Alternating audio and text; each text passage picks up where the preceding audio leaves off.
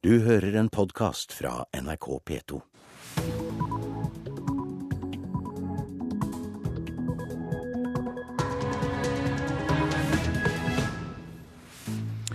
Da har vi kommet eh, fram til eh, fredag 31. januar, og nå klokka 6.30 er dette våre overskrifter. På Frøya har folk som var evakuert tilbrakt eh, første natt hjemme igjen etter brannen. Hele samarbeidsavtalen mellom regjeringspartiene Venstre og KrF er i spill hvis ikke Høyre-ordføreren innordner seg reservasjonssaken. Ja, det sier stortingsrepresentant for Frp Øyvind Korsberg. Og Da har man en ny eh, situasjon, og det betyr at man kan utforme ny politikk på samtlige områder. 35% av de spurte vil at Marit Arnstad skal ta over som leder i Senterpartiet. Det viser meningsmåling. Og I Egypt er medieselskaper og journalister bekymret for pressefriheten i landet. Her i studio, Øystein Heggen.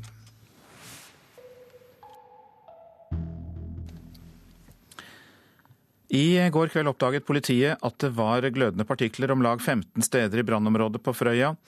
Det har vært knyttet spenning til om brannen skulle blusse opp igjen i natt. Og reporter Kaja Kristine Næss, du er ved rådhuset, der folk eh, har vært våkne hele natt for å overvåke situasjonen. Og hvordan har natta vært? Ja, det er både folk fra brann- og Sivilforsvaret som ligger på gulvet her inne i kommunehuset. Eh, det har nok vært ei lang natt. Brannvesenet har hatt fire timer i beredskap. Og det har også hatt mannskap som har sittet inne i brannområdet i natt. Andreas Kvingedal, brannsjef i Frøya, hvordan har natta vært? For min del så har det vært rolig, for jeg har vært i min seng. Men eh, vi eh, har hatt kontroll. Jeg har snakka med den som har vært på vakt for oss i, i, som leder, og han, han, sier at det har vært rolig. Vi har kjørt eh, streifrunder med ATV inn i området, og vi har hatt eh, to pluss to eh, lag sittende på eh, topper, to topper inne i Frøya. Eh, politihelikopteret oppdaga jo sent i går kveld en 15-20 plasser der det var glør i bakken. Eh, hvordan går det der? Nei, Det er ikke noe problem. for det er en liten glo eller noe sånt, så du trakker det ned, så er det dødt. Så eh, Vi skal jo opp med helikopteret nå på nytt igjen, i mellom åtte og ni. Og få en situasjonsrapport der før vi egentlig kan si at det her er helt over. Hva skal dere gjøre i dag?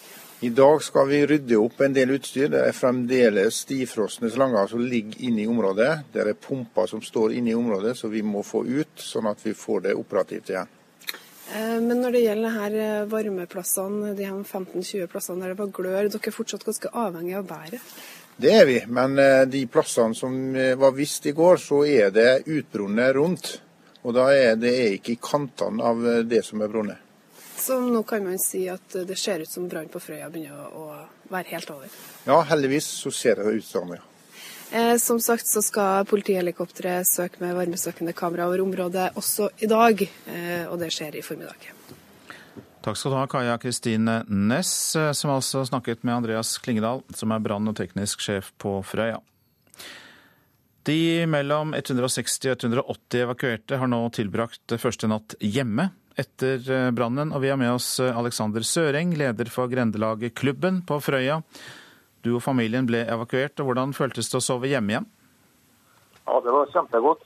Det var, det var, det var kjempegodt å komme hjem og se at huset sto og ja, at hele grenda var berga.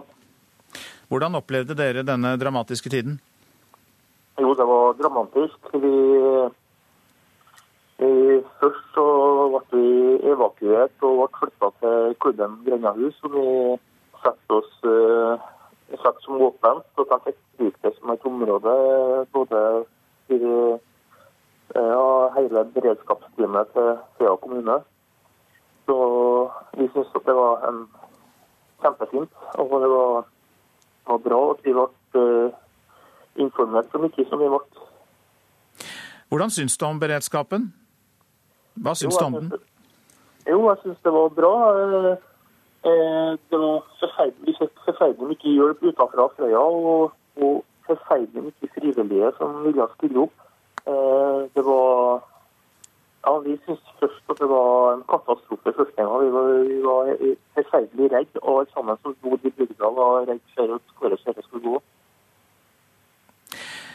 Nå var jo du også med som en av de frivillige for å slukke brannen.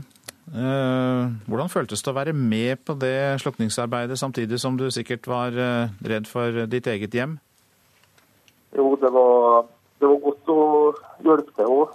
Og så godt vi så godt det var for nytte for oss. Vi samla oss en par stykker først i grenda for å overvåke hvordan situasjonen var, om flammene kom inn i grenda til oss. Men eh, som, som, vi fikk opplyst at de har berga det mellom to vann. Så vi, derfor så tok vi og ble med i troppen og ble med innenfor vannene og prøvde å stoppe oss etter ei branngate.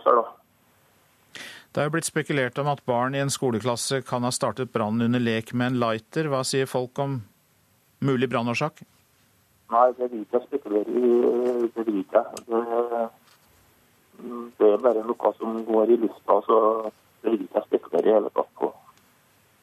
En brann er en brann, og hvordan har starta med om en, en unge som har starta med hvor det for noe, har ikke noe å si. Skjedd er skjedd, så da det det må vi bare leve med.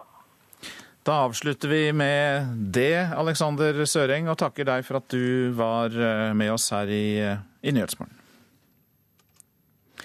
Det brenner i et eh, boligkompleks i Hammerfest i Finnmark. Det er 16 leiligheter i huset, og politiet har evakuert alle beboerne. Også to bolighus i nærheten er evakuert. Brannvesenet hadde første kontroll, først kontroll over brannen, men den blusset opp igjen for få minutter siden. Det var altså i Hammerfest. Hele samarbeidsavtalen mellom Venstre, regjeringspartiene Venstre og KrF er i spill hvis ikke Høyre-ordførerne innordner seg i reservasjonssaken. Det sier stortingsrepresentant for Frp Øyvind Korsberg. Han mener at havområdene utenfor Lofoten, Senja og Vesterålen kan åpnes for oljeboring dersom Høyre-ordføreren ikke går inn for reservasjonen. Det er jo en helhetlig avtale. Hvis ett av de punktene i denne avtalen blir brutt, så gjelder ikke avtalen lenger. Og Da har man en ny situasjon, og det betyr at man kan utforme ny politikk på samtlige områder. Brannfakkelen fra Korsberg kommer i kjølvannet av reservasjonsrettdebatten.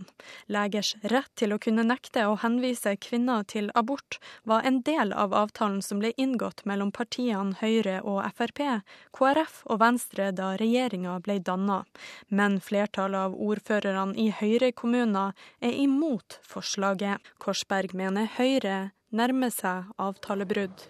Det betyr at man kan eh, da eh, utforme en ny politikk på eh, alle områder, og da vil det jo være naturlig å åpne opp Nordland 6-7 og Troms 2. og Der regner vi jo med at Arbeiderpartiet vil støtte oss, for det er jo i realiteten et flertall på Stortinget for å åpne dette. Parlamentarisk leder i Høyre, Trond Helleland, mener partiet holder det de lover. Han skjønner lite av utspillet til Korsberg. Det er Stortinget og stortingsgruppa som har inngått en bindende avtale, og Høyre holder seg til inngåtte avtaler. Er du overraska over utspillet fra Korsberg? Jeg syns vel det er å trekke litt mange hypotetiske konklusjoner, så jeg er litt overraska over den koblingen han gjør der. Nå er ballen i Høyres hjørne, sier Korsberg. Man får jo se hva Høyre velger å gjøre i denne saken, om de ønsker å bryte avtalen. Men skjer det, så er, er jo avtalen brutt, og da eksisterer den ikke lenger.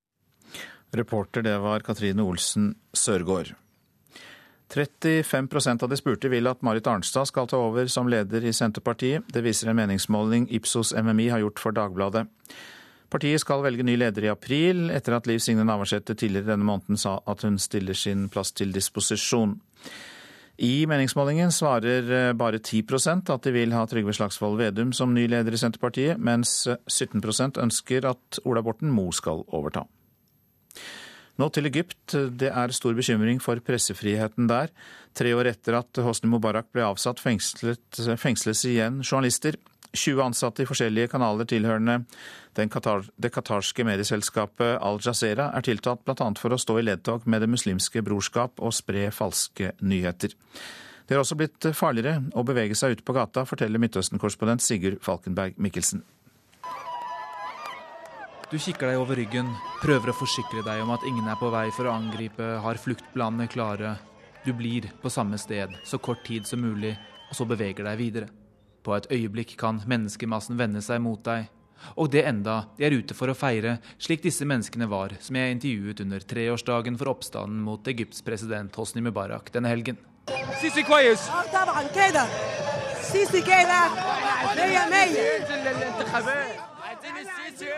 De var ute i gatene for å støtte forsvarsminister og nyutnevnt feltmarskalk general Abdul Fattah al-Sisi. Men disse markeringene kan være fiendtlig territorium for utenlandske journalister i dagens Egypt.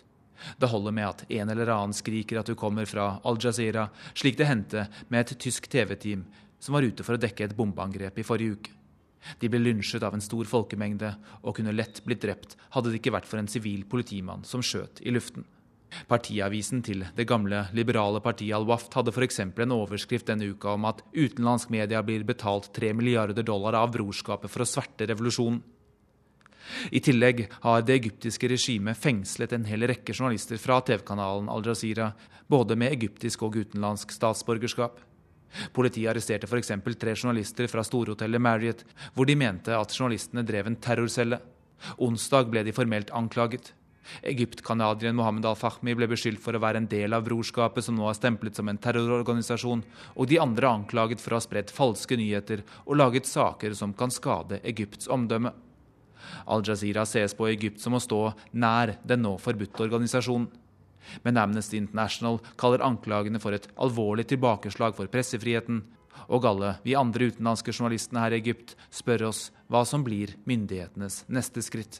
Sigurd Falkenberg Mikkelsen, Kairo. Så var det avisene, da. Og vi eh, starter med Dagens Næringsliv.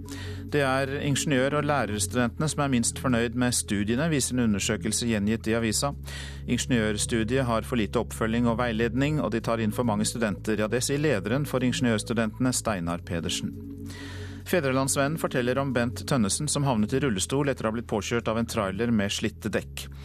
Den polske sjåføren fikk lappen tilbake etter ett år, og selskapet han kjørte for vet knapt at det skjedde noen ulykke, så jeg tror de gir blaffen, sier Tønnesen. I disse dager bestemmer Agder lagmannsrett hvor mye han skal få i erstatning. Kongen er kritisk til stjerner utenfor landslaget, er oppslaget i VG, som refererer til et intervju kongen har gjort med TV 2. Kritikken fra kongen er ikke sviende, det er reaksjonen fra teamet rundt Petter Northug. Slik ble han verdens mest kjente varsler, skriver Aftenposten om Edward Snowden. Avisa bringer utdrag fra den nye boka om den amerikanske varsleren, som nå er fredsprisnominert. Staten kvitter seg med en kornsilo i Stavanger som kan lagre like mye korn som Norges importbehov i ett år, kan vi lese i Nasjonen. KrF reagerer på at staten kvitter seg med det eneste beredskapslageret for korn. Siv Jensen setter Iran på oljefondets svarteliste, skriver Klassekampen. Og NUPI-forsker Sverre Lodgaard reagerer på at Norge boikotter Iran, samtidig som USA og EU letter sanksjonene mot landet. Abortstriden tilspisser seg, skriver Dagsavisen. 40% av kommunene har bare tre fastleger eller færre. Og det gjør det vanskelig å sikre kvinners rettigheter dersom leger reserverer seg, og det vil føre til ulike helsetjenester, sier Arbeiderpartiets helsepolitiske talskvinne Karianne O. Tung. KrF-seire kan smuldre opp, det skriver Vårt Land og lister opp reservasjonsrett, mediestøtte, asylbarn, barnevern og alkohol som saker der KrF-stempelet kan blekne. Knut Arild Hareide smiler ikke like bredt lenger, hevder avisa. Advokat Geir Lippestad forteller Dagbladet om sorgen etter datterens død, og han tror de møtes igjen en gang. Lippestad forteller også om de nye oppdragene han har, og, men at det er umulig å glemme terrorsaken. Magnus Carlsen møter mannen som er rangert som verdens nest beste sjakkspiller i dag, Levon Aronian fra Armenia. Det skjer i en sjakkturnering i Zürich. I går åpnet Carlsen turneringen på best mulig måte med seier. Dagens motstander blir langt tøffere, og Carlsen er klar på hva han må gjøre. Sette press på ham, håpe at han uh, gjør noe feil. Levon Aronian har selvtilliten på topp etter at han nylig vant en turnering i Nederland i overbevisende stil. Likevel er armeneren spent på å møte verdensmesteren. Well, I'm excited. I haven't played against Magnus for a long time. So. Is it a little bit special meeting Magnus? Sure, he's the world champion. So I hope uh, the game will, will be interesting. Hvite brikker og en kortere åpningskamp taler til Carlsens fordel i dag. I tillegg har han slått Aronian tidligere. Carlsen sier dette om dagens motstander. Han er jo på papiret den største utfordreren her. Og... Men jeg har hvit. Eh, jeg har vunnet mot ham før, så det er optimistisk. Aronian vil ikke rangere seg selv, og er derfor ikke enig i at det er verdens to beste sjakkspillere som møtes i dag. I don't think so. No. No, I think there are many good players. I mean, I, I, I don't really want to, you know, say. I mean, he's the world champion, and I'm just a player. Både Carlsen og Aronian vant i går, og det står 1-1 mellom de to. Derfor kan kveldens parti bli helt avgjørende for turneringen. Sa reporter Hilde Liengen. Klokka den passerte nettopp kvart på sju. Dette er hovedsaker i Nyhetsmorgen. Hele samarbeidsavtalen mellom regjeringspartiet, partiene, Venstre og KrF er i spill hvis ikke Høyre-ordføreren innordner seg i reservasjonssaken, sier stortingsrepresentant for Frp Øyvind Korsberg. 35% av de spurte vil at Marit Arnstad skal ta over som leder i Senterpartiet, viser en meningsmåling gjort for Dagbladet. 17% ønsker at Ola Borten Moe skal overta, mens 10% vil ha Trygve Slagsvold Vedum. Stadig flere kommuner innfører totalforbud mot røyking i arbeidstiden, men forbudet biter ikke på innbarka røykere. Mer om det snart.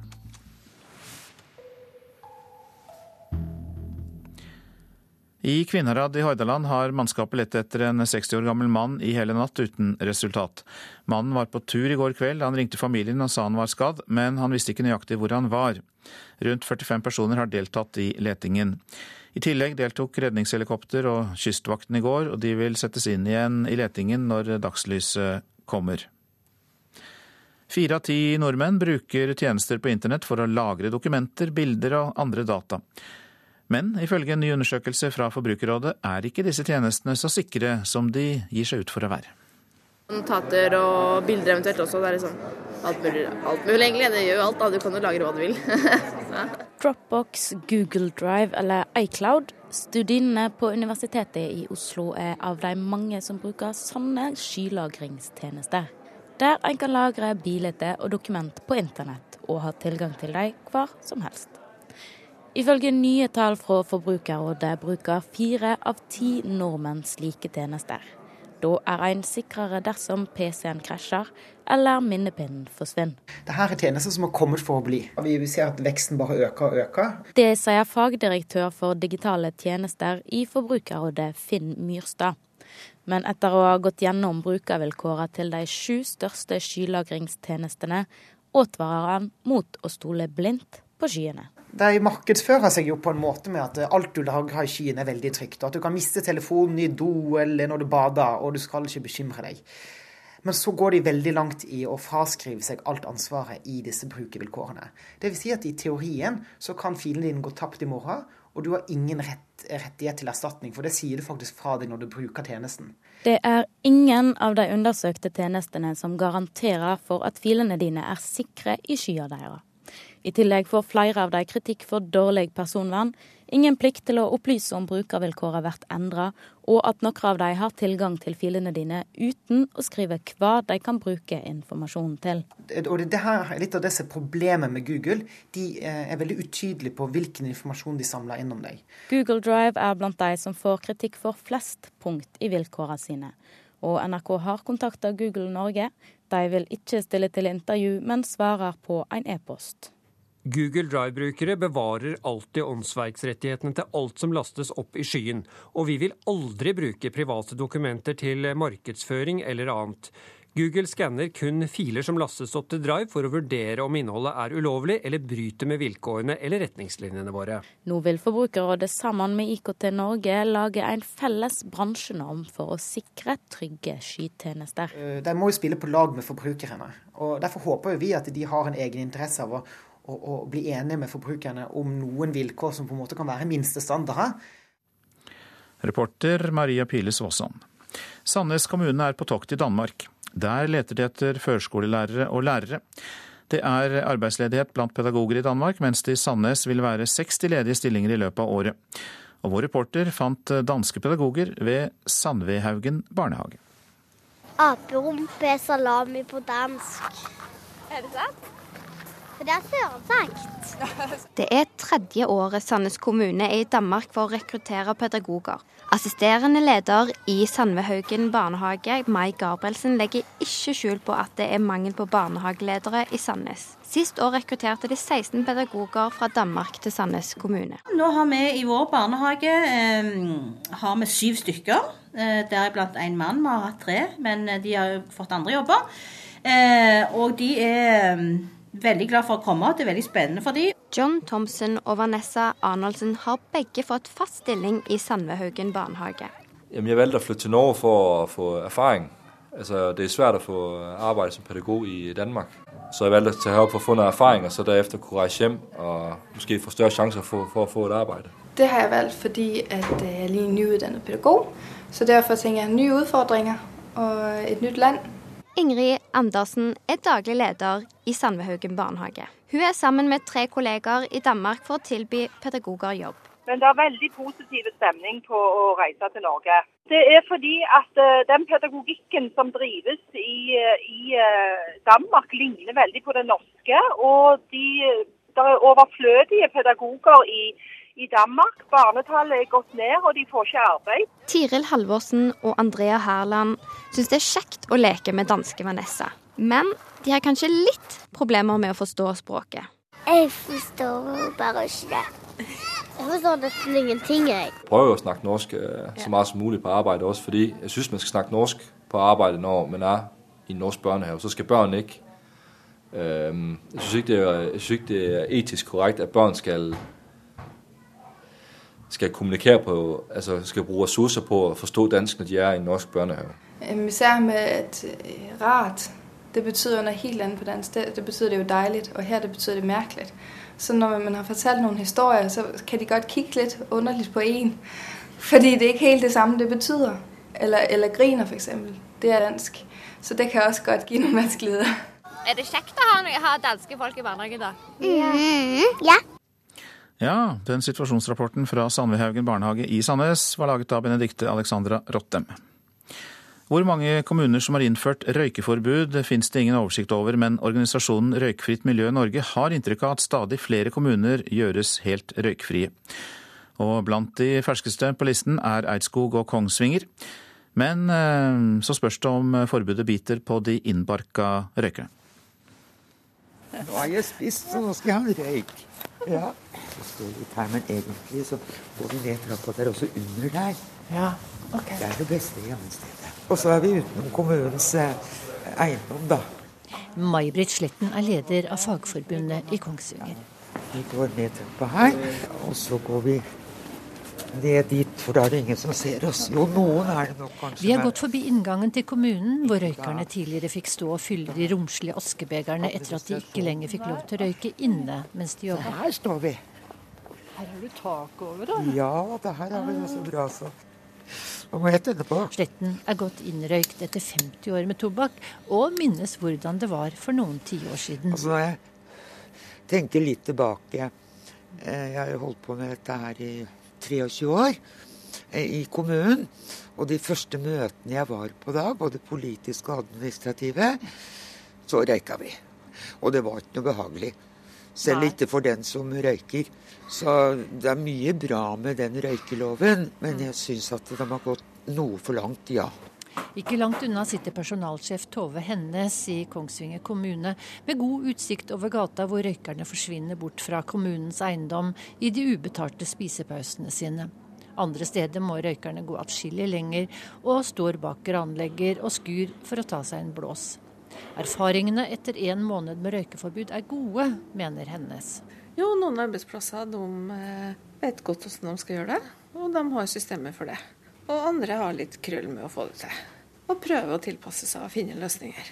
Og det tror jeg på går greit, så lenge man eh, ikke er eh, for politiaktig. Det tror jeg er viktig at man ikke er. Og løsningsorientert. Og bli enige om hvordan vi gjør det, for at det ikke skal bli for ille på noen måte. da. Du snakker om krøll. Hva slags krøll er det? Ja, det kan bli diskusjoner om liksom hva akkurat som er kommunens eiendom og ikke.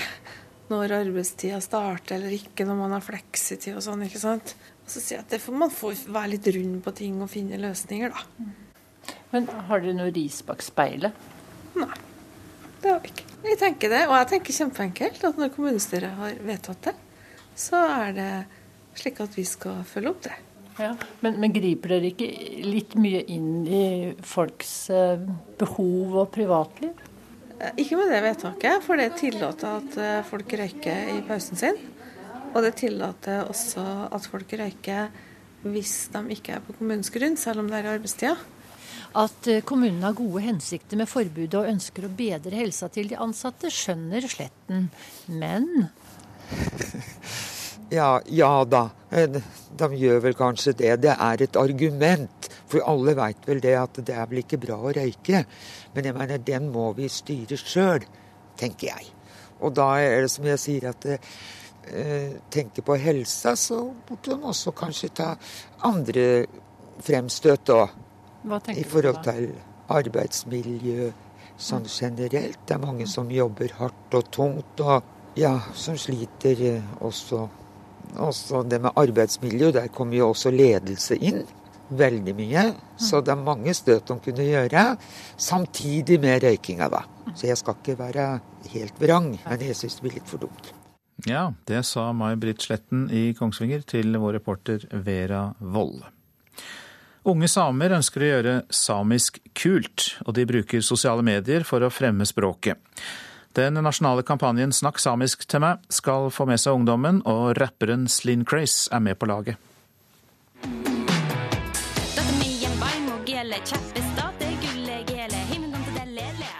Som rapper på samisk, og ungdom som bruker samisk i sosiale medier. Det hele er en del av Sametinget sin nasjonale holdningskampanje 'Snakk samisk til meg'. Så Det er egentlig for å skape litt blest om språket. Målet er å gjøre det naturlig for unge å bruke sitt samiske språk, sier språkambassadør og Tromsø-student Johan Vassara. Veldig mange av oss som snakker samisk, som har det som morsmål, og, men så har vi kanskje ikke de arenaene til å bruke språket. Så vi har rett og slett bestemt oss for å lage de arenaene som vi da savner sjøl, på Facebook og på Twitter og med hashtags. Og så håper vi at vi vekker litt nysgjerrighet hos folk også.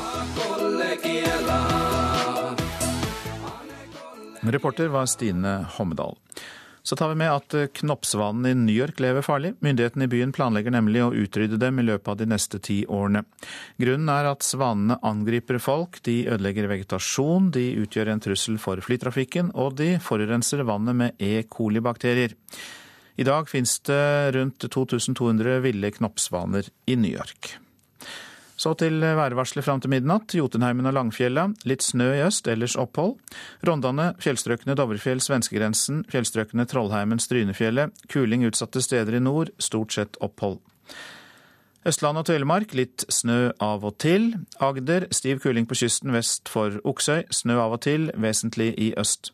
Rogaland østlig stiv kuling utsatte steder. Fra i ettermiddag sterk kuling, utrygt for litt snø. Hordaland og Sogn og Fjordane øst og sørøst stiv kuling utsatte steder. I kveld sterk kuling utsatte steder i Hordaland og oppholdsvær. Møre og Romsdal får stiv kuling utsatte steder i indre strøk, men stort sett pent vær blir det der. Trøndelag sørøst stiv og periodevis sterk kuling utsatte steder. I grensetraktene litt snø, ellers opphold og til dels pent vær i Trøndelag. Nordland sørøstlig stiv kuling utsatte steder og oppholdsvær, litt snø i grensetraktene.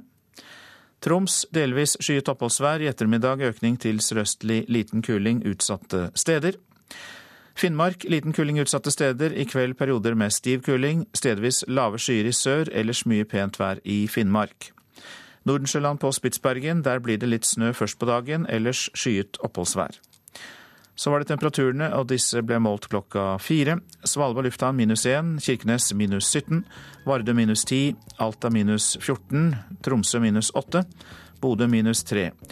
Brønnøysund null grader, Trondheim-Værnes minus 2, det samme i Molde og Bergen minus 2. Stavanger minus 1 grad, Kristiansand-Kjevik minus 3. Gardermoen minus seks, Lillehammer minus åtte, Røros minus ni og Oslo-Blindern minus fire grader. Og det var altså temperaturene som ble målt klokka fire i natt.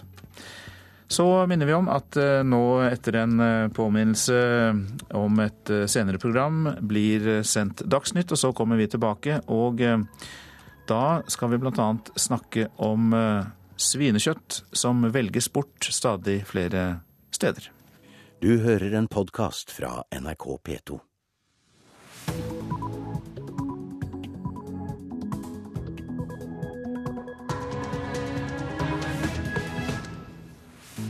Nyhetsmorgen fortsetter med mer om at mange storkjøkken i det offentlige kutter svinekjøtt på menyen av hensyn til muslimer, og om at en rekke ordførere protesterer mot at kommunene selv skal avgjøre om fastlegene skal få reservasjonsrett for henvisning til abort.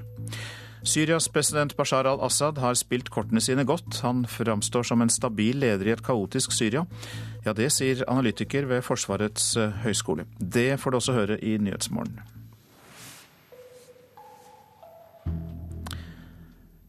Svinekjøtt velges bort i mange barnehager og offentlige institusjoner av hensyn til muslimer. Landbruksministeren misliker utviklingen og sier at det er en selvfølge at svin skal være på menyen. Det er feil å presse ut gris av praktiske grunner, sier leder i kjøtt- og fjærfebransjens landsforbund, Bjørn Ole Juel Hansen. Vi skal, ikke, vi skal ikke av lettvintesårsaker fjerne den tradisjonelle kulturen og spisemønsteret vi har. Og det må vi nesten uh, si klart ifra om at uh, vi ønsker å rette opp i. Det handler om medisterkaker, svinestek og røkte kjøttpølser. Tradisjonsrik norsk kost presses ut, mener Kjøttbransjens Landsforbund, som vil at offentlige institusjoner tar ansvar for å kjøpe inn mer svin. Men en voksende muslimsk befolkning gjør at gris er sjeldnere på menyen enn tidligere. Så både fra storhusholdningskjøkken, fra barnehager, fra masse offentlige institusjoner ellers, så ser vi at svinekjøtt forsvinner fra menyen. Og for dem, ikke, for dem, som har unger i barnehagen eller kjenner til eh, unger som går i barnehagen, så vil de fleste få høre, hvis det har vært eh, pølsetur eller et eller annet, at eh, det er snakk om å ha med kyllingpølser og ikke svinepølser. Det er ikke noe gærent med kyllingpølser, men det blir veldig vanskelig hvis det liksom er forbud, nærmest, mot å spise svinepølse eller ha med svinepølse. I Oslo fengsel kan det gå uker mellom hver gang det serveres svin, forteller verksmester Willy Haugen. Her ser du eh, over en seksukersperiode så har vi, eh, har vi eh, svinekjøtt tre ganger i løpet av seks uker. Ellers i uka så serveres det ikke svinekjøtt. Serveres det pølser, så kunne vi f.eks. servert wienerpølser men velger da å servere kalkunpølser eller uh, kyllingpølser. Så det kan gå flere uker da, mellom hver gang det er svin på menyen? Det kan det gjøre. Landbruks- og matminister Sylvi Listhaug fra Frp misliker at offentlige institusjoner velger bort svinekjøtt. Vi har også spist svinekjøtt i Norge gjennom alle år, og jeg mener det blir helt feil hvis vi i Norge skal slutte å spise svinekjøtt fordi er, eh, mange muslimer er flytta til Norge. Da må de få noe annet, og så får resten av befolkninga få svin. Kjøttbransjen håper nå på en tydelig strategi for å øke innkjøpene av svinekjøtt. Det vil hjelpe en næring som sliter med overproduksjon og svake marginer. Så vi tror at eh, ja, vi får bedre balanse i markedet dersom disse tiltakene innføres. Nå har vi jo en overproduksjon, og det er klart hvis offentlige virksomheter bruker svinekjøtt, så vil jo da selvfølgelig den overproduksjonen blir redusert. Og Reporter her, det var Line Tomter. God morgen til deg, Runar Døving. God dag, god morgen. Du er professor ved Markedshøgskolen og underviser i forbrukersosiologi og gastronomi. Ja. Er det riktig å velge bort svinekjøtt av hensyn til muslimene, syns du? Eh, både ja og nei. Altså, Hvis du skal lage mat til mange, så velger du en eh, rett som alle kan spise. Og for enkelhetens skyld så er det praktisk at alle spiser den samme maten. Eh, på den annen side så, eh, så, er det jo synd å ikke få spist uh, svinekjøtt. Man syns at det er godt. Men kan den tradisjonelle kulturen og ja, vårt spisemønster bli borte hvis vi fortsetter som dette? Eh, nei da. Eh, og på den annen side så er jo saken veldig rar. For at, at det hadde vært veldig merkelig om eh, Listhaug, staten eller produsentene skulle bestemme hva vi skal spise. Eh, det er jo tross alt et valg til hver enkelt institusjon som, som, som foretar et slikt valg. Og da, og da tar, man den, eh, tar, man hensyn til de, de, de, de, som skal spise maten. Ja, men Det er vel, eh, det de sier er vel at de er litt bekymra for at denne tradisjonelle kulturen skal forsvinne? Og da er du også det?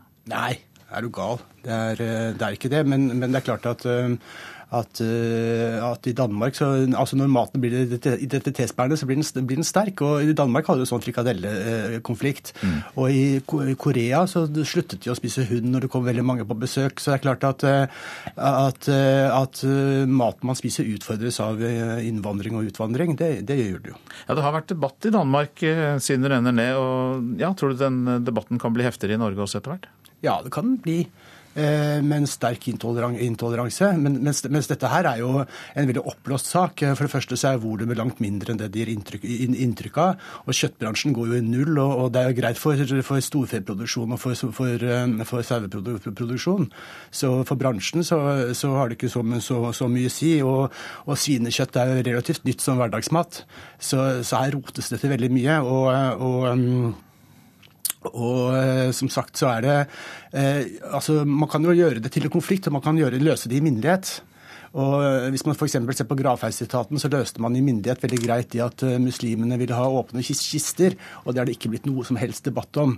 Og Dette kan også løses i myndighet i hver enkelt sak, og det er opp til hver enkelt barnehage å bestemme om man skal ta hensyn til folk med nøtteallergi eller til jøder og muslimer som ikke vil ha svin. Men eh, har vi en annen holdning eh, og større toleranse for korser? Altså jødiske matforskrifter som også utelukker svinekjøtt? Nei da, det er, det er to vidt forskjellige saker. For det første, altså korser er ekstremt komplisert. Og, altså, og, dette er også oppløst i, i, i, forhold til at det er ikke noen muslimske organisasjoner som har gått inn for dette. Mm. Og det er overhodet ikke noe forbud noe sted. Så dette er bare av praktiske, eh, pedagogiske eller, eh, hensyn som, som de ulike institusjonene, de ulike storkjøkkenene har tatt. Eh, så nei, vi har ikke noe toleranse for det. Altså, de fleste kulturer har veldig liten toleranse for andre menneskers mat. Ok, Runar Døving, du er altså professor ved Markedshøgskolen og underviser i forbrukersosiologi og gastronomi. Takk skal du ha. Nå til en rekke ordførere som protesterer mot at kommunene selv skal avgjøre om fastlegene skal få reservasjonsrett for henvisning til abort. De mener det må gjøres, avgjøres i Stortinget og ikke i kommuner, som regjeringen har foreslått. Ordfører i Berg, Guttom Nergård fra Venstre, advarer mot å skyve saken nedover i systemet. Det vil jo være fullstendig bakmål hvis eh, Stortinget skulle vegre seg mot å gi styrelinjen for kommunene, at hver enkelt kommune skulle bestemme dette. Det, det vil jo bli håpløst. Ordfører i Nedre Eiker, Bent Inge By fra Arbeiderpartiet, mener det er feigt av regjeringen å gå inn for at kommunene skal ta jobben. Ja, det syns jeg absolutt det er. For det er jo å omgå et problem. For du tar bare syv råd til kommunene. Det har jeg meget liten sans for. Jeg ber dem er så rakrika sjøl at de tar den avgjørelsen sjøl. NRK har vært i kontakt med ordførere i hele landet og flere av dem er altså med på noe så sjeldent som et opprør mot kommunalt selvstyre. Jeg er veldig for kommunalt selvstyre i veldig mange sammenhenger. Men i denne saken her, så eh, mener jeg veldig bestemt at dette er et ansvar som ligger i Stortinget. Sier ordfører Marit Aase fra Kristelig Folkeparti i Samnanger. Et standpunkt som mange deler, på tvers av både partigrenser og mening om selve reservasjonsretten først og fremst for dette her er så dype etiske dilemmaer og samvittighetsspørsmål for den enkelte lege at jeg mener at det må være tydelige nasjonale retningslinjer og bestemmelser. Bent Ingeby er en av ordførerne som advarer mot kommunale forskjeller. Her ligger jo kommuner ganske tett i Buskerud. Skal man sitte i Nedre Eiker og si jo, her er det åpning for reservasjonsrett, mens i Øvre Eiker er det ikke det. I Kongsberg er det der. Vi må ha felles regler, akkurat som vi har felles kjøreregler. Det gjør også Nergård i Berg kommune. Det skulle jo bli eh, ganske så umulig hvis man skulle ha noen kommuner som sa nei, og andre sa ja. Eh, det, det vil være en uholdt situasjon.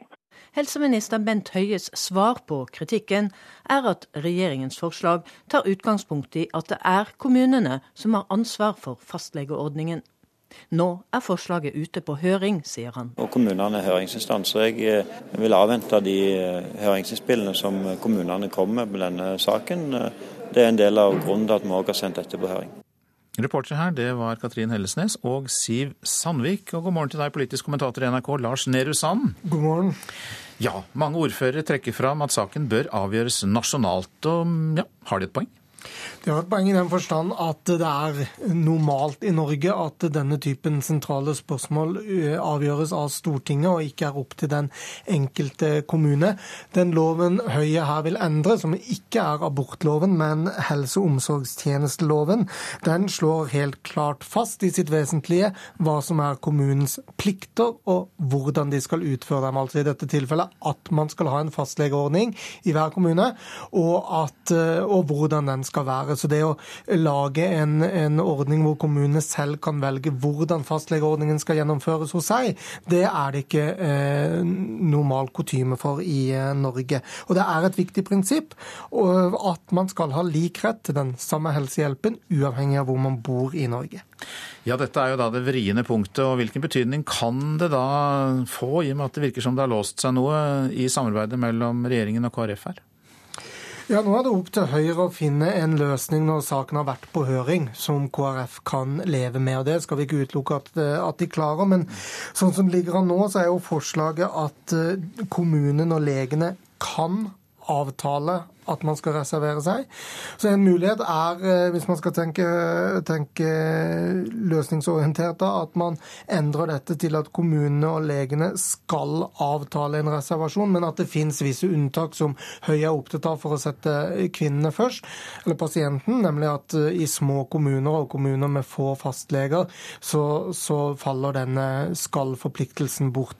Eh, men det er, det er på det rene at KrF krever at høringsforslaget lovforslaget strammes inn, slik at kommunene i større grad enn nå må ha en reservasjonsmulighet, slik at ikke eh, Høyre-ordførere og andre ordførere, hører vi, eh, sier at man uten å ha noen medisinske meninger om det, eh, bare avviser denne reservasjonsmuligheten.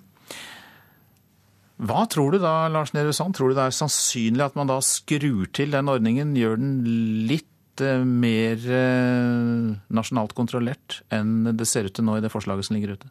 Det er det KrF krever. Og det vi også kan merke oss her, er jo at både Kristelig Folkeparti, som er veldig for denne muligheten, og Arbeiderpartiet, som er like mye imot, ønsker å avgjøre dette nasjonalt. Så det er, det er en ja, uvanlig hybrid, det som Høyre har sett for seg som et kompromissforslag, og som tydelig ikke går igjennom i noen av leirene.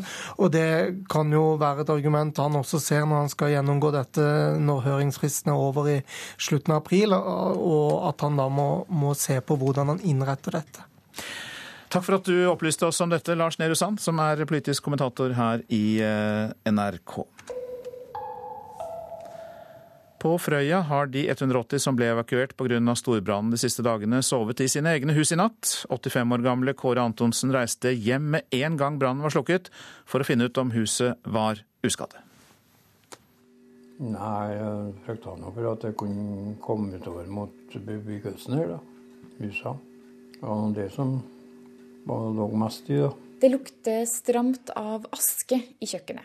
Han sitter og ser ut vinduet, på samme måte som for fire dager siden. Ikke langt fra Kåre Antonsen sitt trehus hadde begynt å brenne i lyngen. Og flammene spredte seg raskt i det karrige og tørre landskapet.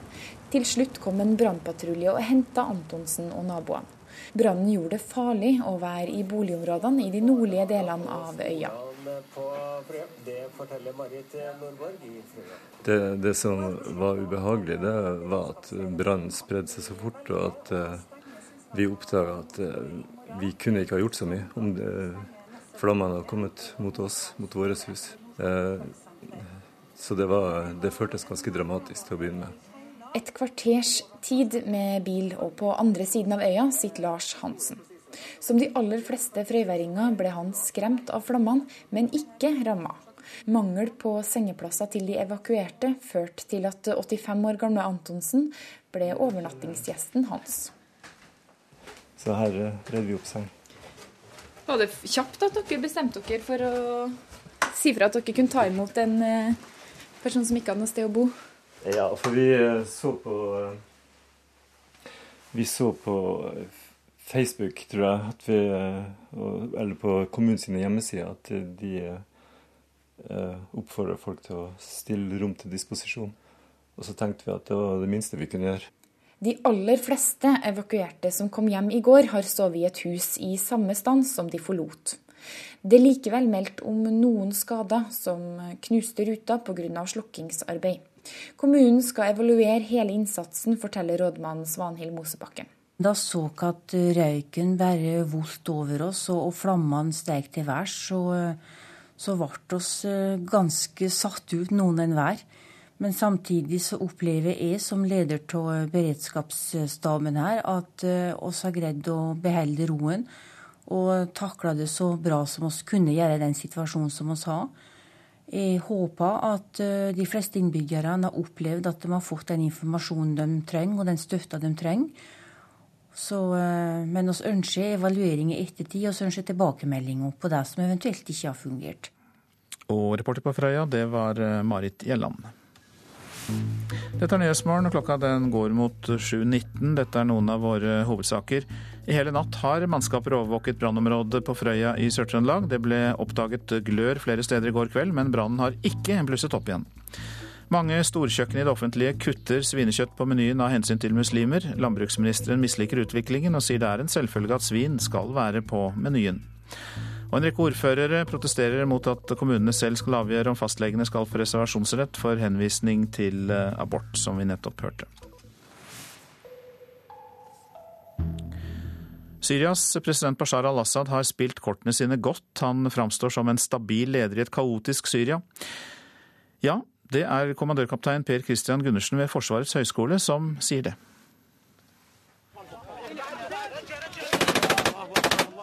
En av de utallige opprørsgruppene som kjemper i Syria, fyrer av nok en salve. Landet er blitt for farlig for internasjonal presse og hjelpearbeidere, og syrerne er overlatt til seg selv med diverse jihad-grupper, Al Qaida-kjempere, moderate opprørere, Assads hær og hans paramilitære grupper. Siden de kjempene tror at krigen kan vinnes militært, er det få som deserterer fra Assads styrker. Det er jo lenge siden vi har sett noen særlige deserteringer av i hvert fall høytstående offiserer. Eh, og det er ingen helavdelinger heller som har desertert, det er enkeltpersoner stort sett som deserterer. Eh, og det er fordi at eh, Assad har selvfølgelig klart å skape et inntrykk av at det er, det er en eksistensiell kamp. Og man ser at det er ikke noe alternativ til Assad. Sier kommandørkaptein Per Christian Gundersen ved Forsvarets høgskole. Han har liten tro på at FSA, altså den frie syriske hæren, greier å organisere seg bedre og samle seg under én fane.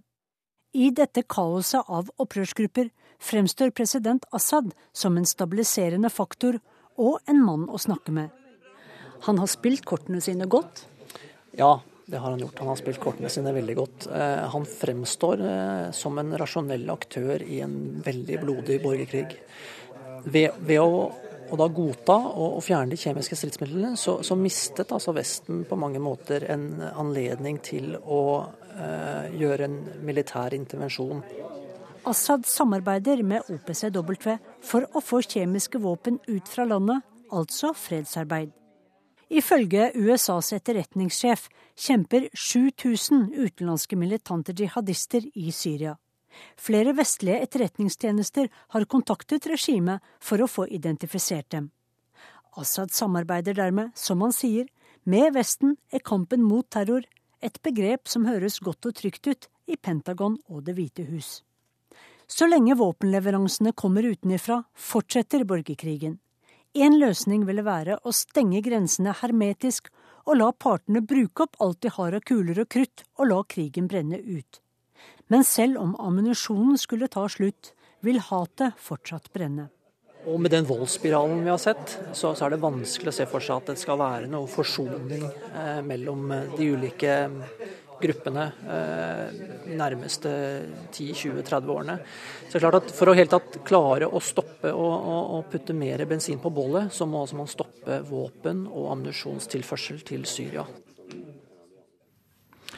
Og det var kommandørkaptein Per Christian Gundersen ved Forsvarets høgskole som eh, reporter Sissel Wold snakket med i dette innslaget. Utenriksminister Børge Brende, god morgen. Du kom tilbake fra Sør-Sudan i går, vi skal snakke om det. Men først akkurat det vi hørte om at Syrias president eh, Assad har spilt sine kort godt. Er du enig i det? Jeg syns ikke man skal bruke en sånn Eh, term, for å si det på den måten. Eh, de store taperne i Syria er den syriske sivilbefolkninga. 130 000 mennesker har mista livet gjennom denne konflikten, og FN sier at det er så vanskelig å få tilgang nå at de vurderer rett og slett å slutte å telle antall drepte. Eh, flere millioner flyktninger, i tillegg til seks millioner mennesker som da er interne flyktninger, internt fordrevne i Syria. Assad har eh, en viktig del av ansvaret for denne utviklinga. Så vi må ikke la oss rive med i et sånt politisk spill og si at nå har han styrka kortene sine og eh, lignende. Fordi eh, han har ansvaret for at Syria har utvikla seg til eh, den verste humanitære katastrofen i det 21. århundret. Men så er det nå også blitt ytterligere komplisert med at du har ekstreme grupper, Al Qaida-inspirerte jihadist, som nå blir støtta av våpen og med ressurser, også utenfra. Og Syria er i ferd med å bli en krig hvor det er ulike parter utenfor Syria som er drivkrefteren. Så det politiske spillet det bør aldri gå foran det humanitære hensynet? Aldri. Det som jeg syns er fryktelig trist, er at vi befinner oss i 21. århundre, og denne eh, borgerkrigen i Syria har pågått nå i nærmere tre år. Og FNs sikkerhetsråd har ikke vært engang i stand til å vedta en resolusjon som da sier at iallfall så må man få en humanitær hjelp. Det som nå er avgjørende, det å kunne få på plass en overgangsregjering hvor alle de viktige partene, som er moderate, eh, sitter i en slik regjering. Og man må da få med Iran og Russland på en avtale om at dette må være en regjering hvor Assad selv ikke spiller en rolle. Det er jo det disse forhandlingene nå bl.a. dreier seg om, som pågår i Genéve og avsluttes i dag og skal tas igjen opp igjen 7.2. 80 millioner mennesker er rammet av humanitære kriser, altså globalt. Og du eh, kommer nettopp hjem fra Sør-Sudan, eh, der eh, det har blusset opp en konflikt ganske nylig. Hvordan er situasjonen der? Svært alvorlig. Eh, det er jo sånn at FN nå må håndtere eh, flere svært alvorlige humanitære kriser samtidig. Syria, som vi snakka om, Sentralafrikanske eh, republikk, og nå også Sør-Sudan, selvsagt i tillegg til en del andre. Sør-Sudan, der er det nå 600 000 mennesker som er internt fordrevne. Veldig mange får ikke humanitær hjelp. Dette er jo en krise som eh, kom veldig raskt pga. motsetninger internt i Sør-Sudan mellom president Salwa Kiir og tidligere visepresident Riyak Machar. Og De har jo drevet krigslignende handlinger mot hverandre. Og nå er det jo også en regional dimensjon oppå det hele. At Én ting er at det har vært borgerkrigslignende tendenser eh, i Sør-Sudan, men hvis også nabolandene blir dratt inn i dette på en ikke-konstruktiv måte, så kan dette virkelig bli en stor krise. Helt kort, Hva kan det internasjonale samfunnet gjøre, først og fremst da nå for å hjelpe de som eh, lider nød? Nå må det mer eh, humanitær hjelp inn, og de må få også tilgang på de mest avsidesliggende eh, områdene. Dette er et land på størrelse med Frankrike. Men så må jo også det internasjonale samfunnet gjennom den afrikanske IGAD-organisasjonen, nabolandene, og gjennom den troikaen som Norge er medlem av, må nå tvinge frem overvåkningsmekanismer knytta til den våpenhvilen som eh, nå er eh, inngått den uh, må da såkalt uh, den må etterleves. Og så må man også få nabolandene til da å trekke ut sine tropper, ta uh, Uganda, og greie å få til en overgangsregjering og et nytt Man må satse på det sivile samfunn og nye krefter i Sør-Sudan. Takk skal du ha, utenriksminister Børge Brende. Så noen ord om det avisene har på forsidene i dag. Det er ingeniør- og lærerstudentene som er minst fornøyde med studiene, viser undersøkelse gjengitt i Dagens Næringsliv. Ingeniørstudiet har for lite oppfølging og veiledning, og de tar inn for mange studenter, sier lederen for ingeniørstudentene, Steinar Pedersen. Fedrelandsvennen forteller om eh, Bent Tønnesen som havnet i rullestol etter å ha blitt påkjørt av en trailer med slitte dekk. Den polske sjåføren fikk lappen tilbake etter eh, ett år og Tønnesen tror selskapet han kjørte for gir blaffen. I disse dager bestemmer Agder lagmannsrett hvor mye han skal få i erstatning. Kongen er kritisk til stjerner utenfor landslaget. Det er oppslaget i VG, som refererer til et intervju kongen har gjort med TV 2. Kritikken fra kongen er ikke sviende, er reaksjonen fra teamet rundt Petter Northug. Slik ble han verdens mest kjente varsler, skriver Aftenposten om Edward Snowden. Avisa bringer utdrag fra den nye boka om den amerikanske varsleren, som nå er fredsprisnominert. Staten kvitter seg med en kornsilo i Stavanger som kan lagre like mye korn som hele Norges importbehov i ett år. Det kan vi lese om i Nasjonen. KrF reagerer på at staten kvitter seg med det eneste beredskapslageret for korn. Siv Jensen setter Iran på oljefondets svarteliste, skriver Klassekampen. NUPI-forsker Sverre Lodgaard reagerer på at Norge boikotter Iran, samtidig som USA og EU letter sanksjonene mot landet.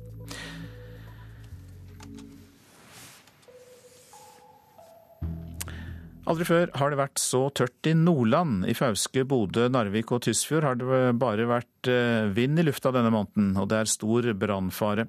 I gatene er det feiemaskiner og ikke brøytebilene som rår. Meteorologassistent Arild Grytøyr, eh, Grytøyr sier han ikke har opplevd maken. Nei, det har jeg ikke gjort. Jeg har vært eh, dager og kanskje uker så det har vært litt tørt og sånt, men, men ikke noe sånt som det her er. Det rekord? Ja, det må vi nesten si. Har jo, vi har jo sett litt nedbør da, men det er jo ikke mål. Det var altså om eh, situasjonen eh, i eh, Nordland, der det knapt har vært regn de senere månedene. Og det har vi også sett følgende av i disse brannene. Du lytter til Nyhetsmorgen her i studio i dag, Øystein Heggen. Kari Bekken Larsen er eh, produsent.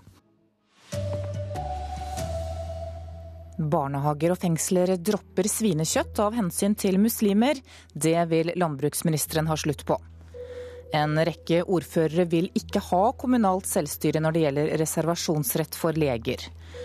Og på Frøya så har de 180 som ble evakuert etter brannen, endelig fått sove hjemme igjen i natt.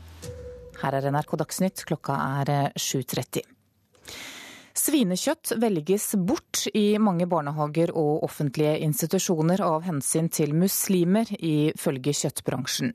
Landbruksministeren misliker utviklingen og sier at det er en selvfølge at svin skal være på menyen. Det er feil å presse ut dette kjøttet av praktiske grunner, sier leder i kjøtt- og fjærfebransjens landsforbund, Bjørn Ole Juel Hansen. Vi skal ikke, vi skal ikke av lettvinthetsårsaker fjerne den tradisjonelle kulturen og spisemønster vi har. Og det må vi nesten uh, si klart ifra om at uh, vi ønsker å rette opp i. Det handler om medisterkaker, svinestek og røkte kjøttpølser. Tradisjonsrik norsk kost presses ut, mener Kjøttbransjens Landsforbund, som vil at offentlige institusjoner tar ansvar for å kjøpe inn mer svin. Men en voksende muslimsk befolkning gjør at gris er sjeldnere på menyen enn tidligere. Så både fra storhusholdningskjøkken, fra barnehager, fra masse offentlige institusjoner ellers, så ser vi at svinekjøtt forsvinner fra menyen. I Oslo fengsel kan det gå uker mellom hver gang det serveres vin, forteller verksmester Willy Haugen. Her ser du eh, over en seksukersperiode så har vi eh, svinekjøtt tre ganger i løpet av seks uker, og det er da på søndager. Landbruks- og matminister Sylvi Listhaug fra Frp misliker at offentlige institusjoner velger bort svinekjøtt. Jeg har også spist svinekjøtt i Norge gjennom alle år, og jeg mener det blir helt feil hvis oss i Norge skal slutte å spise svinekjøtt fordi oss er, uh, mange muslimer er flytta til Norge, da må de få noe annet, og så får resten av befolkninga få svin. Kjøttbransjen håper nå på en tydelig strategi for å øke innkjøpene av svinekjøtt.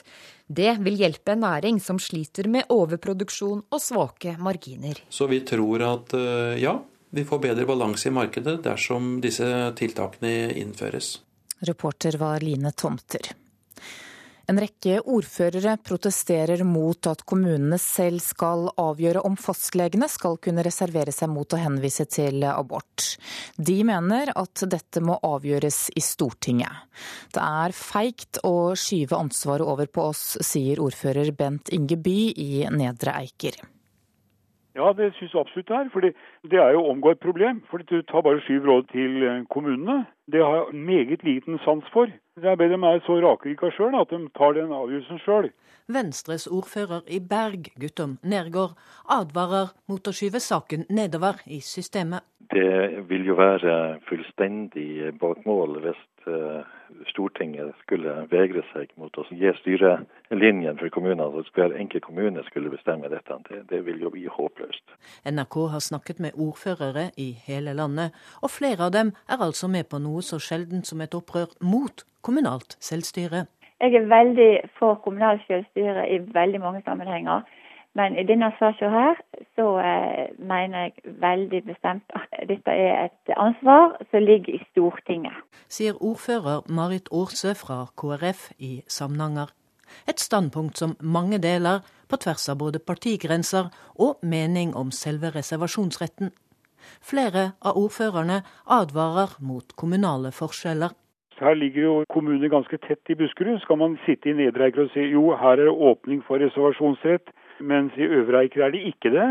I Kongsberg er det der. Vi må ha felles regler, akkurat som vi har felles kjøreregler. Det sa ordfører Bent Inge By i Nedre Eiker. Helseminister Bent Høie sier at regjeringens forslag tar utgangspunkt i at det er kommunene som har ansvar for fastlegeordningen. Og nå er forslaget ute på høring. Og kommunene er høringsinstanser. Jeg eh, vil avvente de eh, høringsinnspillene som kommunene kommer med på denne saken. Det er en del av grunnen til at vi òg har sendt dette på høring. Reportere var Katrin Hellesnes og Siv Sandvik. Det brenner i et boligkompleks i Hammerfest i Finnmark. Det er 16 leiligheter i huset, og politiet har evakuert alle beboerne. Brannvesenet har ikke kontroll over brannen. Og det er ingen fly som lander eller tar av på flyplassen i Hammerfest nå, fordi brannmannskapene hjelper til med slukningsarbeid. Fire biler skal være involvert i en trafikkulykke ved Nestunnelen i Hole på E16 i Buskerud. Politiet er på vei til ulykkesstedet. Flere personer skal sitte fastklemt, og Europavei 16 er nå stengt ved ulykkesstedet. I dag møtes kriseledelsen i Frøya kommune for å diskutere hvordan de håndterte storbrannen som startet på onsdag. De skal bl.a. vurdere om kommunen ga god nok hjelp og informasjon, sier rådmann Svanhild Mosebakken. Vi kommer til å sette oss ned nå eh, i morgen og evaluere og legge et løp for veien videre. Hvordan sier det? Jeg frykta nå for at det kunne komme utover mot bebyggelsen her, da. Husa. Og det som lå mest i, da.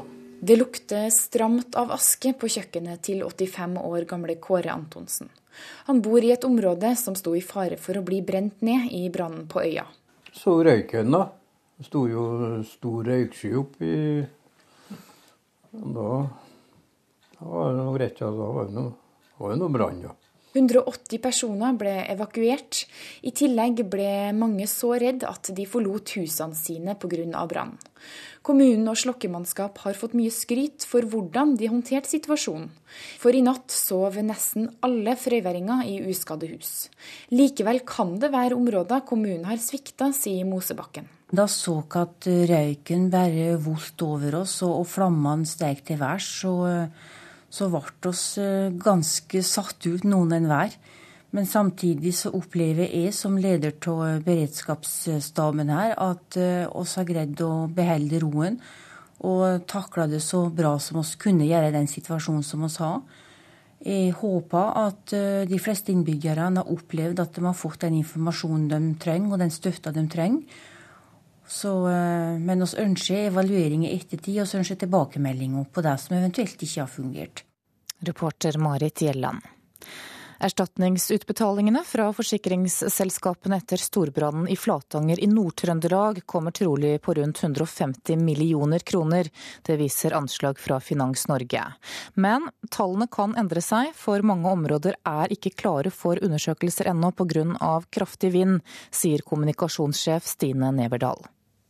Det er ulike typer skader. Det er en del bygninger, et sekstitalls bygninger som da er eh, helt nedbrent. Og det er eh, fritidshus, hytter og også boliger.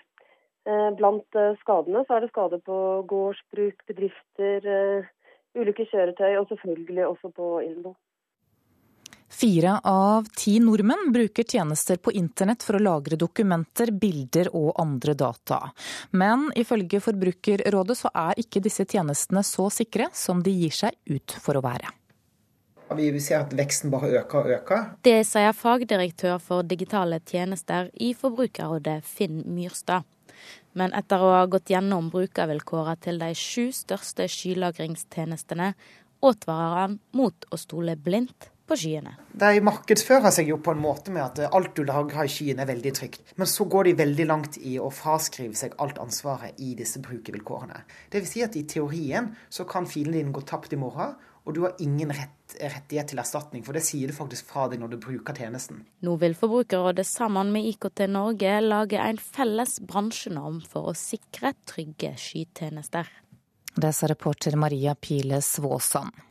Så skal vi ha sport. Magnus Carlsen møter verdenstoer Levon Aronjan i sjakkturneringen i Zürich i dag. I går åpnet Carlsen med seier. Dagens motstander blir langt tøffere, men Carlsen har planen klar. Sette press på ham, håpe at han uh, gjør noe feil. Levon Aronjan har selvtilliten på topp etter at han nylig vant en turnering i Nederland i overbevisende stil. Likevel er armeneren spent på å møte verdensmesteren. Well, time, so. Hvite brikker og en kortere åpningskamp taler til Carlsens fordel i dag. I tillegg har han slått Aronian tidligere. Carlsen sier dette om dagens motstander. Han er jo på papiret den største utfordreren her. Men jeg har hvitt. Eh, jeg har vunnet mot ham før, så det er optimistisk. Aronjan vil ikke rangere seg selv, og er derfor ikke enig i at det er verdens to beste sjakkspillere som møtes i dag. I don't think so. No. No, I think there are many good players. I mean, I, I, I don't really want to, you know, say. I mean, he's the world champion, and I'm just a player. Reporter var Hilde Liengen. Ansvarlig for denne sendingen var Gro Arneberg, teknisk ansvarlig Beate Haugtrø og her i studio Anne Jetlund Hansen.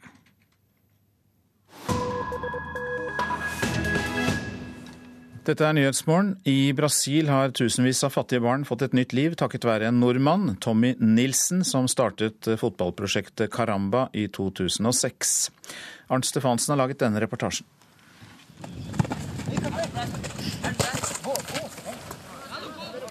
Noen unggutter kjemper drabelig om den magiske lærkula på en fotballbane i San Gonzalo, en småby noen mil utenfor Rio de Janeiro. Det er juniorlaget til fotballprosjektet Caramba som trener foran årets sesong. Og de følges med vaktsomme blikk fra sidelinjen av prosjektets far, Tommy Nilsen. Han startet Caramba i 2006 og har oppnådd enestående resultater. Tusener av barn fra Rio de Janeiros fattige områder har fått et nytt liv gjennom Caramba. Det har eh, vært utrolig givende å se hvordan eh, mennesker har vokst med de mulighetene som har blitt gitt dem, og hvordan man har tatt over seg eh, det ansvaret man, man har blitt gitt. Og hvordan eh, mange, eh, mange, av våre deltakere i dag eh, blomstrer på, på, på hver sin arena, for så vidt. Så det har vært ekstremt motiverende og tilfredsstillende.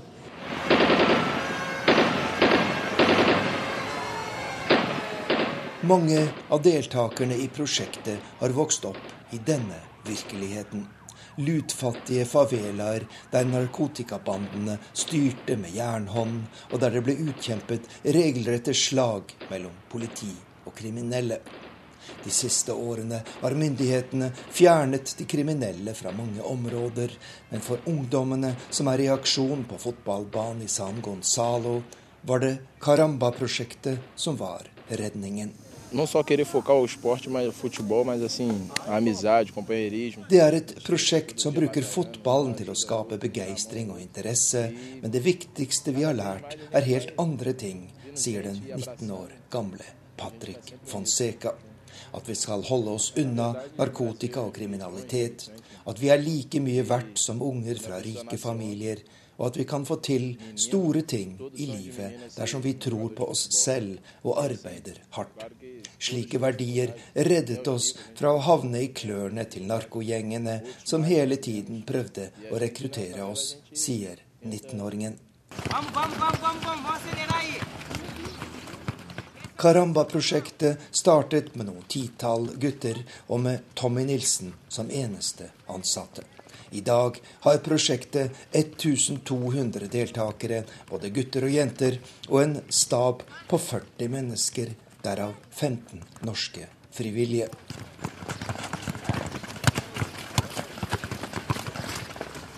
Hvert år deltar flere av lagene i Karamba i Norway Cup og andre skandinaviske turneringer. En eventyrlig reise for barn og unge som aldri har vært utenfor Brasil. Men det viktigste er at stadig flere av deltakerne nå får yrkesutdanning og jobb, sier Tommy Nilsen. Det er det som motiverer å holde gløden vår oppe og se at, at det går framover med, med våre. og se, Ser at det er mulig, og vi ser at mange av våre deltakere definitivt har et potensial til å gjøre alt, egentlig, så sant man har gitt muligheten til å, til å lykkes.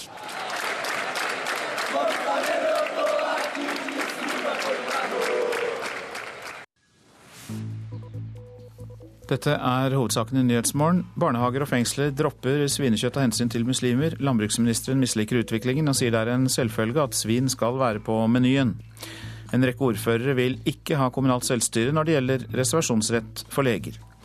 Og på Frøya har de 180 som ble evakuert etter brannen, endelig fått sove hjemme igjen i natt.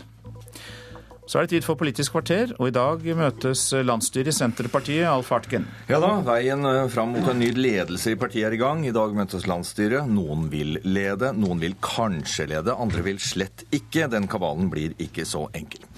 Og nå stopper boligbyggingen opp. Nå må det bli lettere å permittere i stedet for å si opp folk, mener Arbeiderpartiet. Regjeringen går i motsatt retning og møter til debatt her i Politisk kvarter.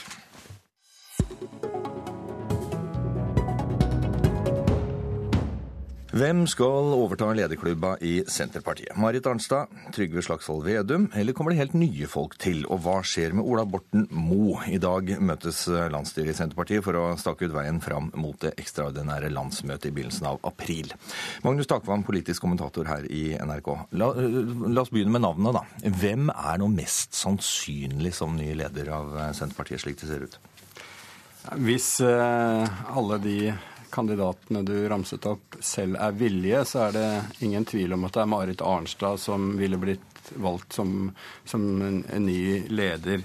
Eh, både fordi hun har, blitt blir oppfattet som har vært utenfor den betente striden som har eh, ødelagt for Senterpartiet på toppen av partiet. Hun har ikke vært en del av den. Og fordi hun har den tyngden og erfaringen og den tilliten i brede lag av Senterpartiet som, som, kan samle partiet. Men som alle vet, så eh, har hun uttalt seg såpass kryptisk at ingen egentlig vet helt sikkert eh, om hun til slutt eh, er villig til å, å, å, la seg velge. Så eh, det er det store spenningsmomentet, selvfølgelig. Berit Aalborg, samfunnsredaktør i, eh, i Vårt Land. Hva tror du? Jeg er helt enig i den vurderinga. Vil Marit Arnstad, så, så, eh, blir hun valgt. Og eh, hun har, hun har, hatt den posisjonen i Senterpartiet i grunn ganske mange år nå. Da Åslaug Haga ble valgt i 2003, så tror jeg at Marit Arnstad kunne fått den jobben hvis hun hadde villet da. Og da Navarsete ble valgt i 2008, så tror jeg hadde hun sagt ja, så hadde hun blitt valgt da også. Så internt i Senterpartiet så har hun jo vært en slags prinsesse vil ikke. Ehm, men det som er det store spørsmålet nå, er eh, vil hun nå eller vil hun ikke? Og det, det sitter jo også en del av Senterparti, sentrale Senterpartifolk og lurer på. Mm. Og jeg, snakker, jeg bare sier, jeg snakka med, med, med, et par stykker i går, og en av dem sa det at jeg har vært villig til å velge til å, til å tippe en flaske vin på at hun har eh, kommet til å si nei, men nå, er jeg, nå, nå ville jeg ikke turt å gjort, gjort det lenger. Så det de spør seg om er kan hun overtales? Det er det store spørsmålet i Senterpartiet nå. Men hva skulle gjøre at hun hun eh, eventuelt lot seg overtale. For det eneste Marit Arnstad vel faktisk har sagt, hvis du ser på hva hun har sagt, det er at hun skal snakke med valgkomiteen. Noe annet ville jo egentlig være uhøflig. Og så ja, har hun blitt tolket, uh, tolket langt. Ja, nei, altså Jeg tror at hun, hun, hun, har, hun, har, ikke hatt veldig lyst. Og det handler om at hun tror at hun ikke er Hun har ikke lyst til å drive det partiet Eller jeg tror ikke hun har tenkt at hun er den beste til å drive den partibyggingsarbeidet. At hun er mer en type sånn rasjonell gjennomfører, f.eks. som passer godt å være statsråd. Men nå, det som da folk lurer på internt i partiet, håper på, er at hun nå skal se at hun kanskje kan være den som kan få Senterpartiet så å si opp av den ganske miserable situasjonen partiet er i nå, med fløykamp og alt det. Og det er vel der mange håper at hun skal på en måte ta, ta det ansvaret nå, fordi at hun har ikke vært en del av den eh, konflikten. Hvilke fløyer og hvilke skillelinjer i partiet er det en ny partileder, eh, om det blir Arnstad eller noen annen, eh, må bygge bro over og forene, Magnus Takman? Altså, det er jo mange kjente skal vi si, konfliktlinjer i Senterpartiet eh, som går på mer næringsvennlig politikk i forhold til mer miljøprofil. Altså det, det utkrystalliserte seg en konflikt i forhold til Lofoten og Vesterålen, der jo Eh, deler av Senterpartimiljøet var åpne for å, å starte virksomhet der, som, som, vi husker. Så det er den typen konflikter er det i partiet. Men det, det, har partiet for så vidt alltid levd med, og må leve med for å være et rimelig stort parti. Man kan ikke velge den ene eller den andre eh, fløyen. Så det helt spesielle i denne siste perioden har nettopp har, har vært de eh, skal vi si, personlige konfliktene på toppen av partiet. Og jeg tror det er vel helt avgjørende for, en, for et hvilket som helst parti, og særlig for Senterpartiet, å velge en ledelse som får et politisk handlingsrom. Altså at du ikke får en ny ledelse som sitter og vokter på hverandre, og som eh, på en måte følger nøye med på enhver uttalelse og ethvert initiativ. Du må ha en ledelse som får den friheten det, det ligger i det å være på toppen og, og kunne ta initiativ og, og, føre en dynamisk, eh, på en måte aktiv politikk på vegne av Senterpartiet, og ikke bare skal vi si, eh, gjenta forutsigbare uttalelser hele veien. Ja, og Der tror jeg jo spørsmålet rundt Ola Borten Moe som du stilte i stad, kommer inn. Fordi at Mange har stilt spørsmålet kan han bli valgt eh, fordi at, eh, som nestleder hvis Marit Arnstad f.eks. skulle bli leder. Og jeg tror for så vidt ikke at geografien i seg selv er noe hinder. Men jeg tror det som Magnus Takam nå tar opp, er at man ønsker at en partiledelse skal ha den, måte, det handlingsrommet til å stå sammen, meisle ut en politikk. Og det store spørsmålet er ikke hvorvidt da Ola Borten Moe kommer fra Trøndelag eller ikke, men hvorvidt han kan være med på et sånn et team ja, som det, jobber sammen. Det har blitt framstilt som veldig veldig viktig. akkurat det, og Mange som har vært ute og sagt at det går ikke an å ha to trøndere. Ja, men det, alle, du mener det går? I alle partier blir det altså det er et poeng i alle partier at man skal ha en geografisk fordeling. Og jeg tror at i Senterpartiet, hvis man bestemmer seg for at man ikke vil ha Ola Borten Moe, så tror jeg også det kommer til å bli brukt som det viktige argumentet. Eh, men jeg tror ikke det er så viktig. Jeg tror det er spørsmålet om hvorvidt man opplever at han kan greie å være med på et lojalt team som staker ut kursen, om man kan greie å samarbeide og ikke drive med soloutspill. Det er det spørsmålet som folk i Senterpartiet nå stiller seg. Hvis Marit Arnstad sier nei, hvilken posisjon havner da uh, Trygve Slagsvold Vedum i? Nei, Jeg føler at det er eh, to aktuelle kandidater, Marit Arnstad og Trygve Slagsvold Vedum. Så da oppfatter jeg det sånn at uh, Trygve Slagsvold Vedum er den mest samlende kandidaten. Ola Borten Moe er overhodet ikke aktuell. Han har heller ikke sagt han er aktuell, fordi han bl.a. ikke sitter på, på Stortinget. Når det gjelder hans posisjon, Ola Borten Moes posisjon, så er det opplagt at det er valgkomiteen som nå skal uh, velges i dag, som får den jobben det innebærer. Og for det første høre med det eksisterende sentralstyret hvem som da vil på, hvem som vil gå videre, sitte videre, og er innstilt på det. Og teste ut i partiet hvilken stilling de har. Dette kommer måler man gjennom fylkesårsmøtene og gjennom direkte kontakt med, med fylkespartiene. Og det er en usikkerhet hvor, eh, hvordan Borten Moe står også blant skal vi si, hans støttespillere. Så det er opplagt eh, ikke eh, avgjort. Du får mm. ulike svar i forhold til hvilke miljøer i partiet man spør akkurat om det spørsmålet. Det blir ingen lett jobb som eh, Terje Riis-Johansen blir det vel som leder denne valgkomiteen? Det blir ikke enkelt, det heller? Nei, jeg tror det blir en krevende jobb. Og jeg tror at valgkomiteen selv må, må sette seg ned og, og på en måte forsøke å meisle ut en kurs. Så det tror jeg blir en krevende jobb. Takk skal dere ha.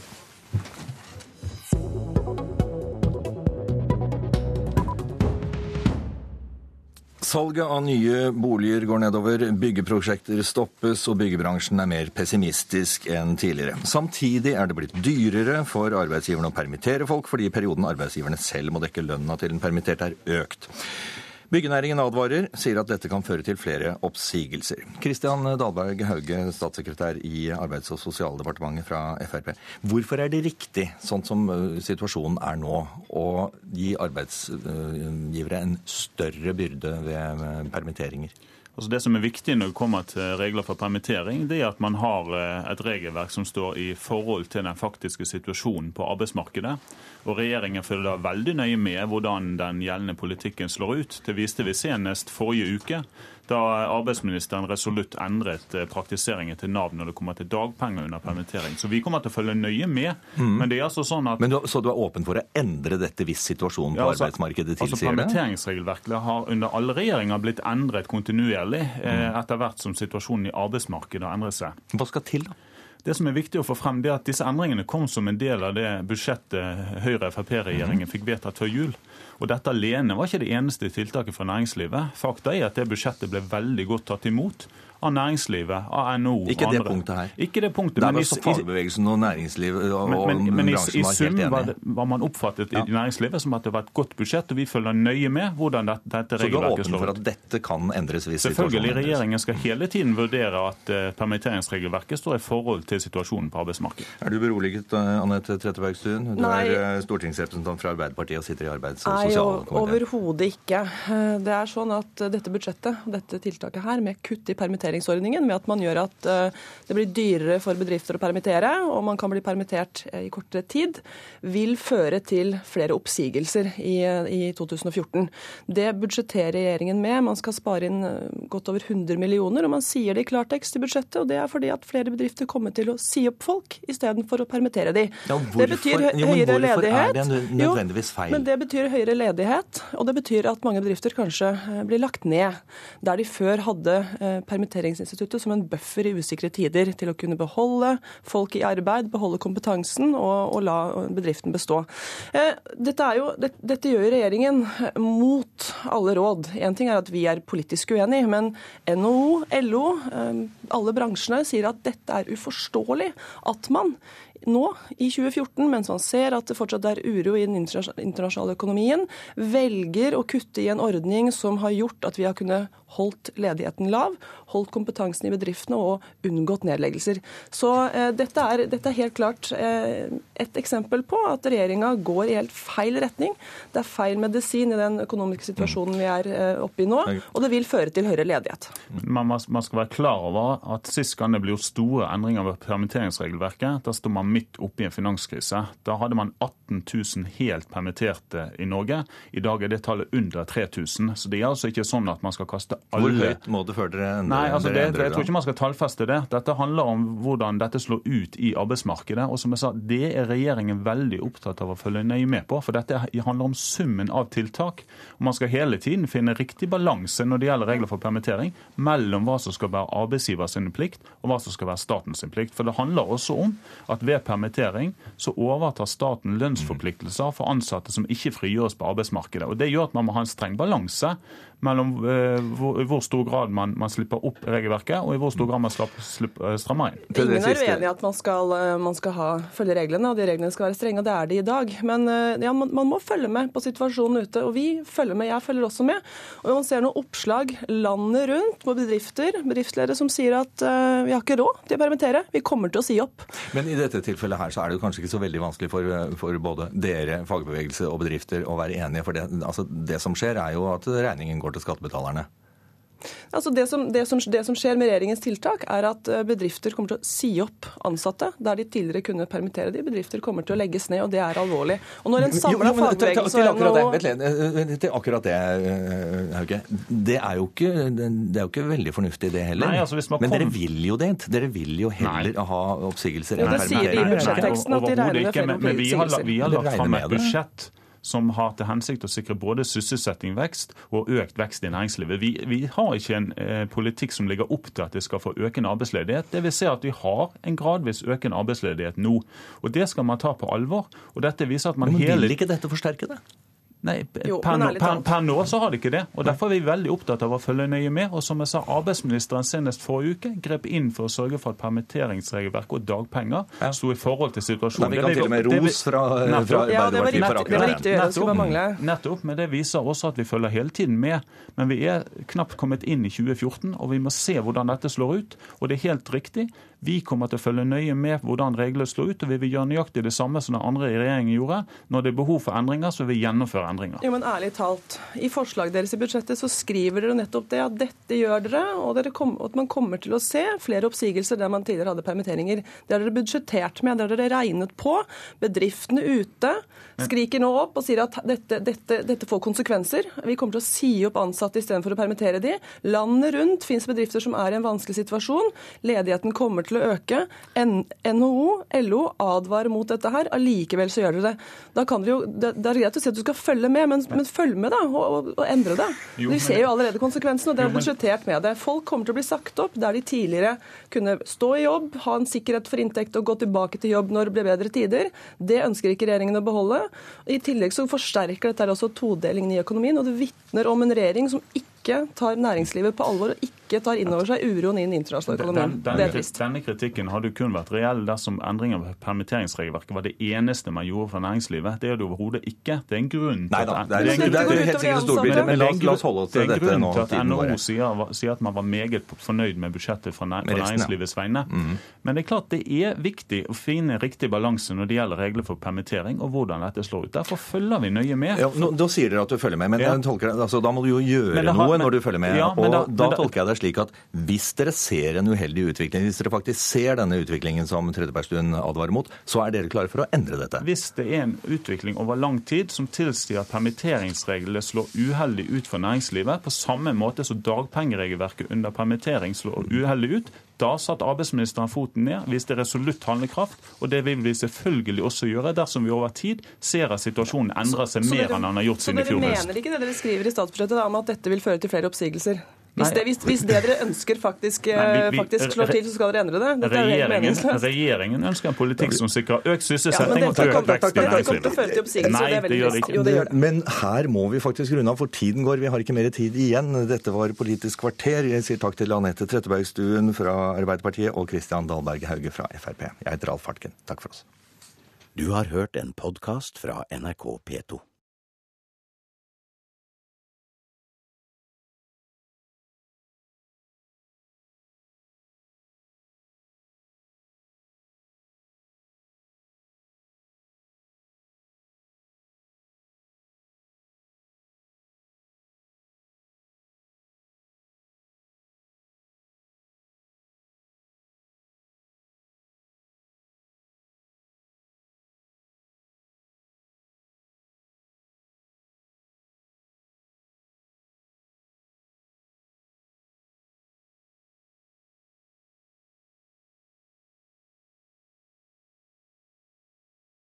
Du har hørt en podkast fra NRK P2.